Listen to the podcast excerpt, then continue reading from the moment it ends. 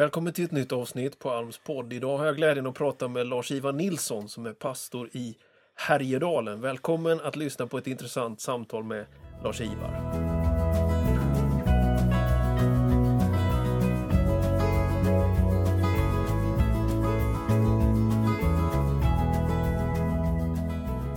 Lars-Ivar Nilsson, välkommen till min podd. Vad roligt att få prata med dig lite. Nöjet är på min sida. Tack för välkomnandet. Kan du berätta för poddlyssnarna var vi befinner oss just nu, du och jag? Vi befinner oss vid en sjö som heter Härjeåsjön som är en del i ett sjösystem som rinner ut i älven Ljusnan, Härjeån och Ljusnan. Och eh, här i, på platsen då som heter Olingdal har eh, min fru och jag förvärvat en liten skogstomt och byggt ett timmerhus som från början skulle vara ett fritidshus men som nu är vår bostad. Och vi tycker att vi har hamnat i förgården till paradiset. ja, här är fantastiskt vackert, både ert hus men också bara omgivningen här, det som jag har kunnat se. Men du, hur, hur hamnade ni här? Varför just här? Olingdal i Härjedalen? Ja, man kan svara kort och man kan svara längre. Jag väljer väl den korta varianten då. Jag var medarbetare och vice föreståndare i Smyrna församlingen i Göteborg tillsammans med Bertil Olingdal. Mm.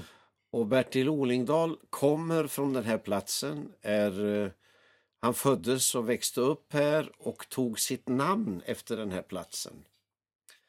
Eh, under den tiden var vi ofta här både jag själv och familjen. Vi har plockat massor med bär här, vi har fiskat mycket, vi har levt eh, friluftsliv och upplevt naturen.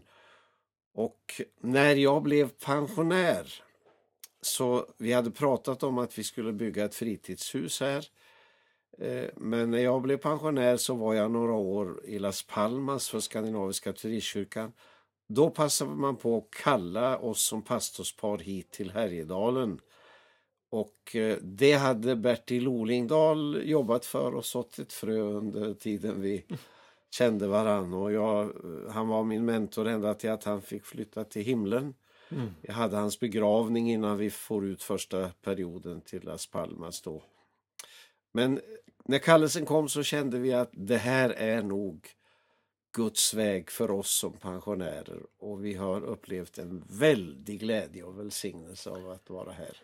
Men du, det var inget alternativ för dig att liksom dra dig tillbaka, för jag vet ju vad du gör. Du är ju full fart. Att du säger att du är pensionerad, det är ju en sanning med viss modifikation. Du driver byggprojekt, har gjort i Sveg och nu börjar du rikta blickarna mot Lofsdalen, att göra en satsning där i, det finns två pingstkyrkor i Härjedalen just nu rent alltså byggnadsmässigt och du är i full fart.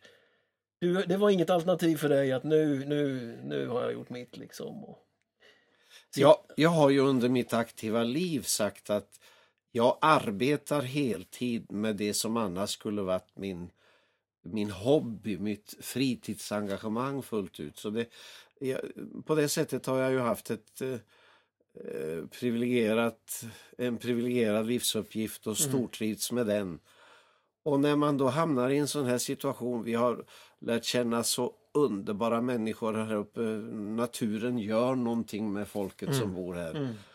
Och, och, och, så ser vi behov och ser att det går att göra saker för att komma vidare och utveckla och det, det är ju väldigt naturligt. Och min fru delar glädjen och visionen över det. Mm. Ibland säger hon att jag behöver lära mig att göra ingenting. Men jag tror att hon har gett upp det. Så det... Du testar aldrig det? Nej. jag testar inte det. Nej men alltså jag får ju säga att jag tycker ju att jag själv är hyfsat aktiv och kliver upp på morgonen och jobbar på och sådär. Men jag undrar ju, jag ligger långt efter dig tror jag. Nej, eh, nej det tror jag inte. Nej, men du har ju alltid varit, var har du varit församlingsföreståndare inom pingst någonstans? Varit, nu är du det i Härjedalen, i Sveg. Ja, och sen, jag, jag var ju vice föreståndare i Smyrna då i, mm. i ganska ett antal år. Men sen var jag föreståndare i Värnamo. Mm. En av våra lite större församlingar också och ledde ett ganska stort projekt då där Arken eh, kyrka och allt möjligt. Du, det sägs om dig att när den kyrkan var nybyggd, det är en stor fin kyrka, Arken i Värnamo med sporthall och konferensutrymme och kyrka och allt det. Att det ska ha varit en alkoholist som spydde i foajén, eller var var, stämmer det? Och att du ska ha sagt att nu är Pingstkyrkan invigd. Stämmer det? Eller är det en Alltså, skröna? Nej, det, det är nog sant. Det var så här att vi, vi satte igång ett, ett ungdomsarbete på fredagskvällarna som Helt plötsligt bara så var det 500 ungdomar i vår kyrka på fredagskvällarna. Mm. Och ungdomar drar ungdomar. Ja. Så då kom också det här klientelet som är lite stökigt och det kom en kille som var berusad. Och han hann bara innanför dörren så spydde han. Mm. Och snabbt var våra... Han kanske inte var alkoholist, det var dumt sagt. En berusad kille i alla fall. Ja. Ja, jag vet Ja, inte, nej, han, nej. men han var väldigt påverkad när han var hos oss då. Och strax eh, så var de där rara goa systrar som torkade upp efter honom. Och så gick han tio meter till och så spydde han igen. Ja. Men då på stengolv så det var inte heller så farligt. Men så gick han in i församlingsvåningen där servering och så där skedde. Och då spyr han och det kommer på en matta. En tredje gång då? En tredje gång. Oj, oj. Och då kommer en av våra jätterara systrar också, som kommer fram till mig och säger Lars-Ivar, så här kan vi inte ha det. Vår nya kyrka, så här kan vi inte ha det. Och då tittade jag henne i ögonen och så sa jag, vet du hur jag tänker nu? Nej, hur ska jag veta det, sa hon. Jo, jag tänker så här att nu är kyrkan invigd. Mm.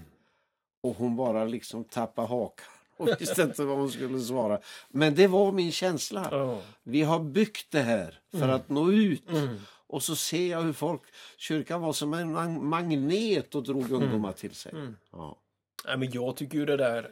Jag har ofta tänkt på den där berättelsen att det fångar ju på något sätt Ja, men på något sätt det bästa med en församling och med, med, med pingst när det är som bäst. Det här sociala engagemanget. Ja, Alla är välkomna. Och att det ändå finns en, en, en sån samling runt det. Så, ja, ja, men okej. Så vice föreståndare i Göteborg, föreståndare i Värnamo, sen Trollhättan. Ja, Ja. Och det var rätt stor skillnad på att vara pastor i Värnamo och i Trollhättan, anar jag. Eller?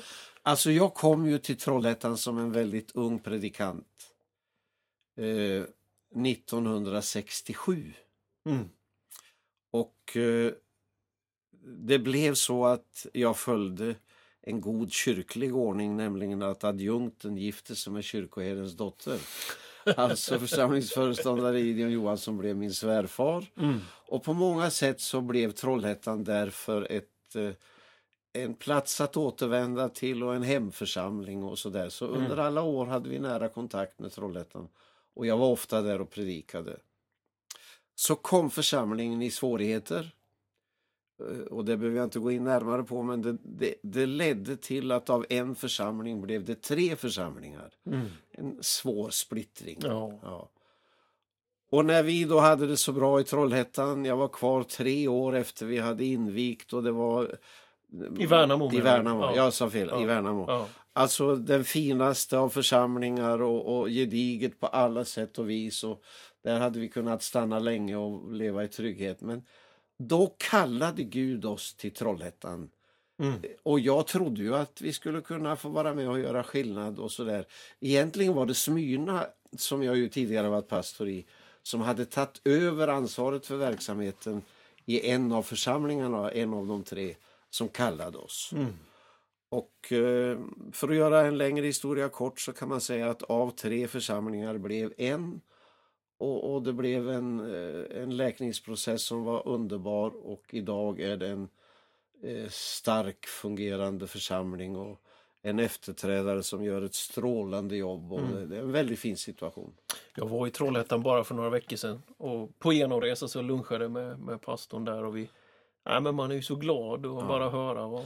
Det var så nära att den kyrka som var, då blev byggd i den här konflikttiden, det var inte orsaken till konflikten alls, men det var så nära att församlingen gick i konkurs och att det skulle ha blivit ett nöjescentrum av den kyrkan som ligger så strategiskt väl och, och, och ehm, så. Men precis då i sista stund så förde Herren oss samman och det var väldigt märkliga saker som hände som gjorde att det blev en, en eh, försoning och ett samgående och även ekonomin räddades då.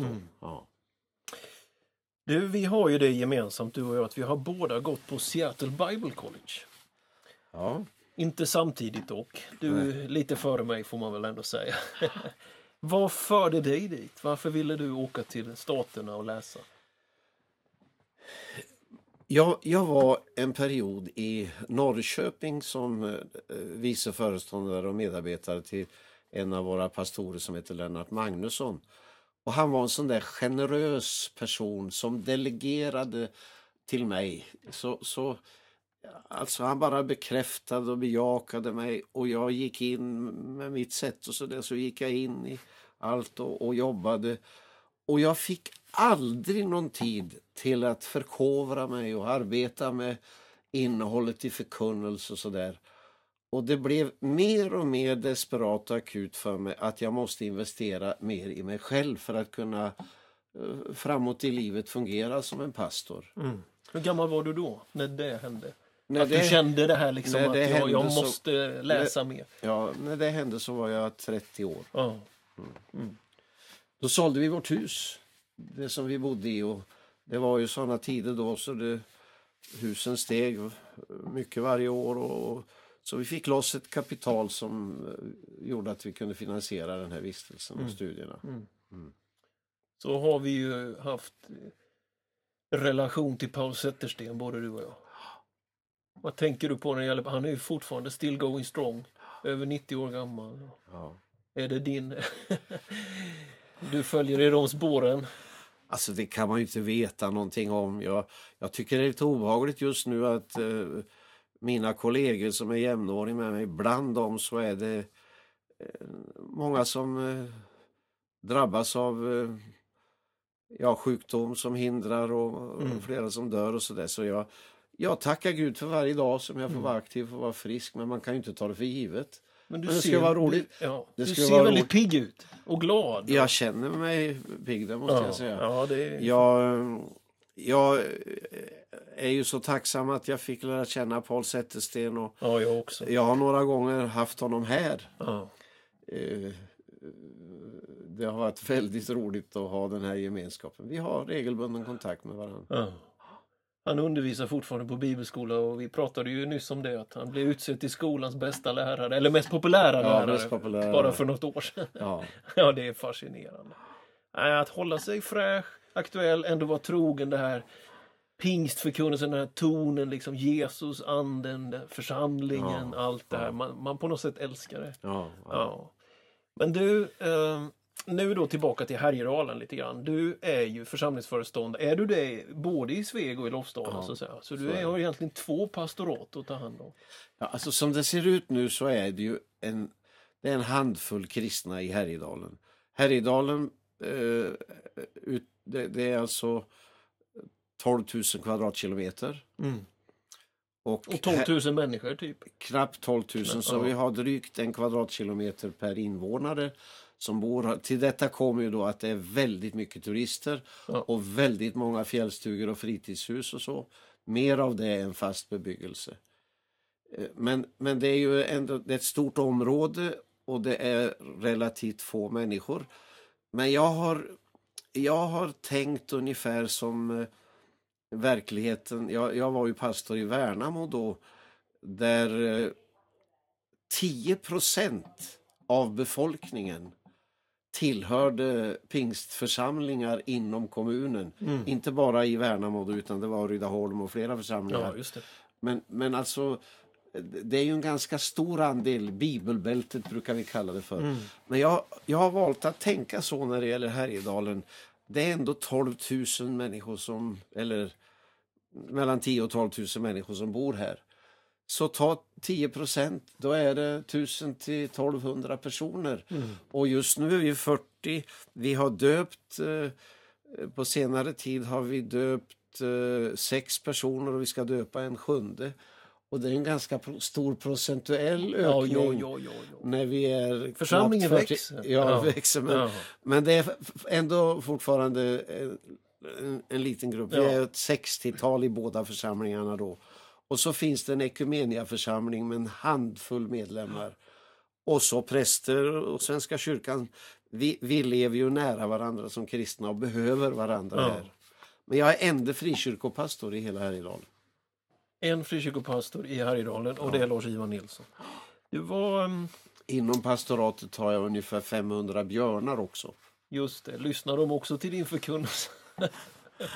Jag tror inte de gör det. Man ska ju predika för allt skapat står ju. Så men det är fascinerande Ja. att leva i den här Ja, vildmarken förstår faktiskt. jag. Det med, förstår jag. med djurliv och sådär. Ja.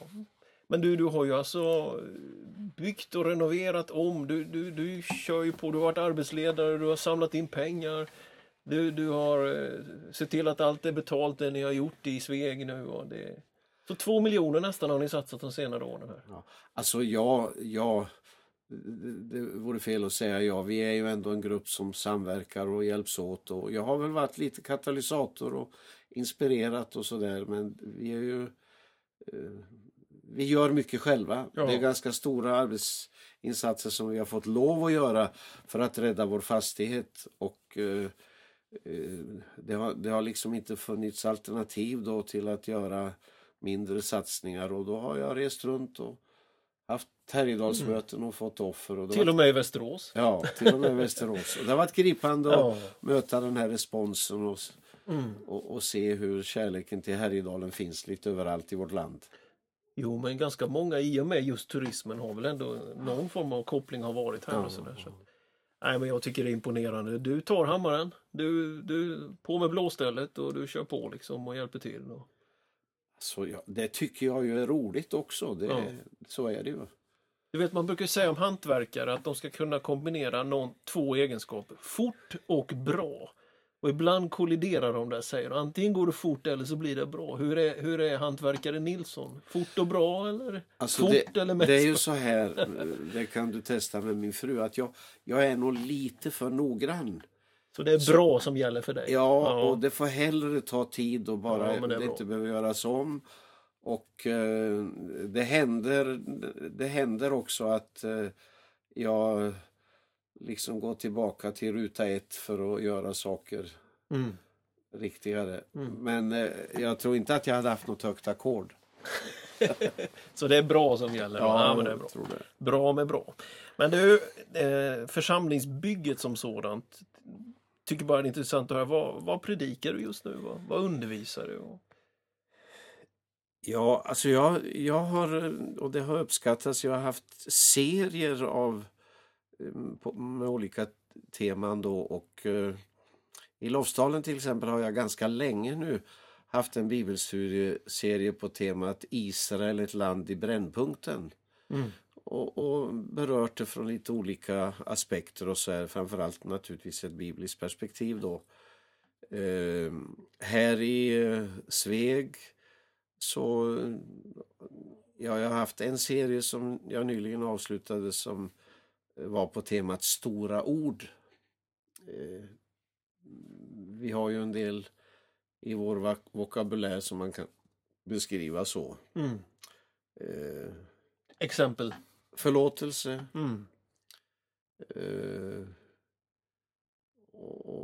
alltså det har varit en, en lång serie så det har varit många olika liksom infallsvinklar eh, till det här men eh, det har varit eh, alltså det har varit en glädje att se att eh, antalet gudstjänstbesökare har ökat och Mm. och att trots att vi då håller på med det här med lokaler och så där så känns det som att det här mer än att det handlar om brädor och spikar och gipsskivor och så där så, så är det ett, ett eh, andligt husbygge, ett församlingsbygge där ett antal människor på eget initiativ, helt utifrån, som inte tidigare haft någon kontakt med vår kyrka, har tagit kontakt med mig och, Mm. och uttryckt sitt intresse för vår tro. Jag predikade om dopet en söndag kommer en ung man förbi som inte alls har några relationer till vår eller någon annan kyrka och bara tänker när han ser affischen att jag, jag, jag ska nog gå hit på söndag och lyssna på vad det här innebär och, och sådär. Och det startade en, en, eh, ett samtal mellan oss som också ledde till att han blev frälst och blev döpt och är nu en av våra medlemmar. Det är ju det är vackert, det är Ja, det är det. Det. Men Ja. just det här ger ju en sån stimulation Ja. till helheten också. Att det kommer nya människor Ja. utifrån. Ja. Såklart. Du, om vi zoomar ut lite grann här mot slutet av vårt samtal på den här pingströrelsen, Sverige. Jag menar en sån som jag, jag lyssnar ju på dig, jag respekterar dig, jag ser upp till dig. Du är ju du är ju nestor, du har haft, eh, du har haft kan man säga min roll i dess begynnelse i alla fall. Du jobbade mycket med det gemensamma pingst, du har tjänat ja, men rörelsen på så många plan i olika funktioner och uppdrag.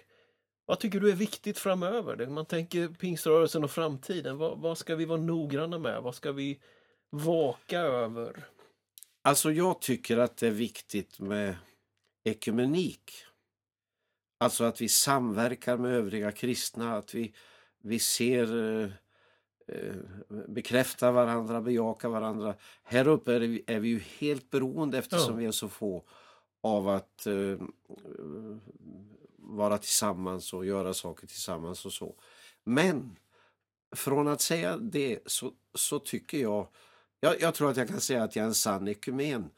Men, men jag tror att den här gemenskapen behöver inte bygga på att man blir grå i sin undervisning och i sin förkunnelse.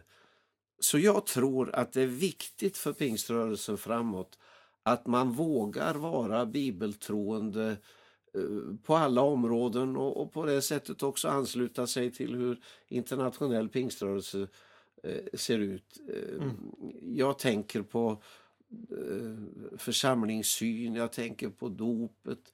Jag tänker också på behovet av att återerövra, andens dop och dess eh, betydelse eh, för människor. Just nu är det ju en stark fåra utanför pingströrelsen som lyfter det här.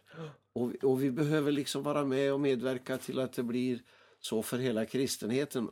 Och jag tror att vi behöver vara ödmjuka och tydligt säga att vi behöver varandra samtidigt som vi också vågar ha vår pingstprofil. Stort tack kära Lars-Ivar för ett gott samtal. Vad, vad glad jag är att jag har fått träffa dig den här helgen. Jag är uppe här och hälsar på och eh, predikar i, i din och er församling. Stort tack Lars-Ivar. Tack att jag fick vara med.